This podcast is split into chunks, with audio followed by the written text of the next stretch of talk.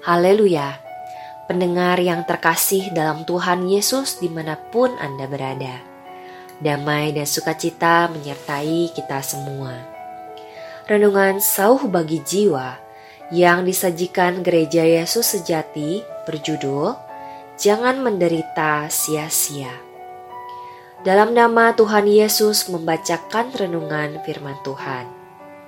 Sia-siakah semua yang telah kamu alami sebanyak itu? Masakan sia-sia. Galatia pasal 3 ayat 4. Adakah orang yang tidak pernah merasakan penderitaan di dunia ini? Terlebih umat Kristen yang rela menderita untuk Tuhan. Paulus mengatakan, supaya jangan ada orang yang goyang imannya karena kesusahan-kesusahan ini kamu sendiri tahu bahwa kita ditentukan untuk itu. 1 Tesalonika pasal 3 ayat 3. Jadi, walaupun ada damai sejahtera dan sukacita dalam hidup umat Kristen di dunia, tetapi juga ada kesusahan dan penderitaan. Allah memurnikan kita melalui kesulitan dan penderitaan, karena penderitaan membuat iman dan rohani berkembang maju.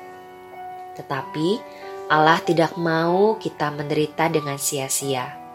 Orang yang berhikmat juga tidak mau menderita dengan sia-sia. Dia berharap dapat belajar sesuatu melalui penderitaan, dapat jalan menuju masa depan yang baik dan indah, melewati kesusahan. Pemazmur menulis, "Sebelum aku tertindas, aku menyimpang, tetapi sekarang aku berpegang pada janjimu.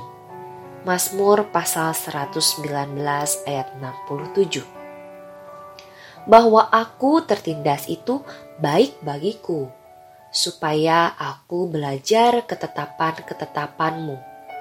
Mazmur pasal 119 ayat 71 Ah, kita patut bersikap seperti pemazmur ini. Menganggap tertindas itu baik bagi kita. Jangan menderita sia-sia. Berapa sering kita lupa kebenaran, sebab yang bodoh dari Allah lebih besar hikmatnya daripada manusia, dan yang lemah dari Allah lebih kuat daripada manusia. 1 Korintus pasal 1 ayat 25 Begitu menemui kesulitan, kita langsung memakai akal sendiri mencoba mencari jalan keluar. Kita lupa seharusnya bertanya lebih dahulu kepada Allah. Akibatnya, kita menderita dengan sia-sia. Kalau kita bertanya lebih dahulu kepada Allah, tidak akan salah. Hanya saja sedikit orang yang mau berbuat demikian. Banyak orang sering membaca Alkitab, ikut kebaktian dan berdoa, tetapi belum tentu dapat melakukan pengajaran Alkitab. Orang-orang lebih senang pertama-tama berpikir bagaimana caranya melalui kesulitan itu, membuat rencana bagaimana terhindar dari kegagalan, membuat perkiraan bagaimana menghadapi ketidakpastian mereka tidak suka bertanya lebih dahulu kepada Allah. Akibatnya, mereka mengalami penderitaan dengan percuma. Bila Anda lebih mengandalkan kepintaran sendiri atau nasihat orang lain daripada hikmat dan pengajaran Allah, kemudian Anda bersusah payah melakukan semua cara, tetapi tetap tidak berhasil. Barulah saat itu Anda mengakui diri sendiri pandir, tetapi engkau sudah banyak menderita dengan sia-sia. Sebenarnya, Anda mempunyai Allah yang Maha Tahu, pengajar yang paling berhikmat dalam hidup Anda.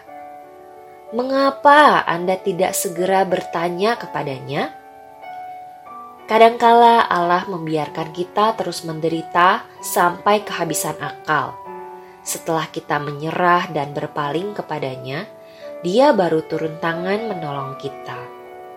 Dengan cara ini, Allah memberi pelajaran kepada kita.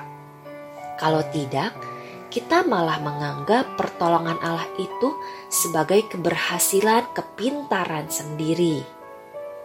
Hai anak-anak Allah, bila engkau sudah lama berkutat di dalam kesusahan, jangan lagi berlambat.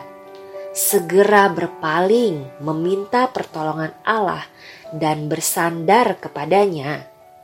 Buat apa kau menderita dengan sia-sia? Allah pengasih sedang menantimu melepaskan pikiranmu sendiri dan berpaling kepadanya. Tuhan Yesus menyertai kita semua. Amin.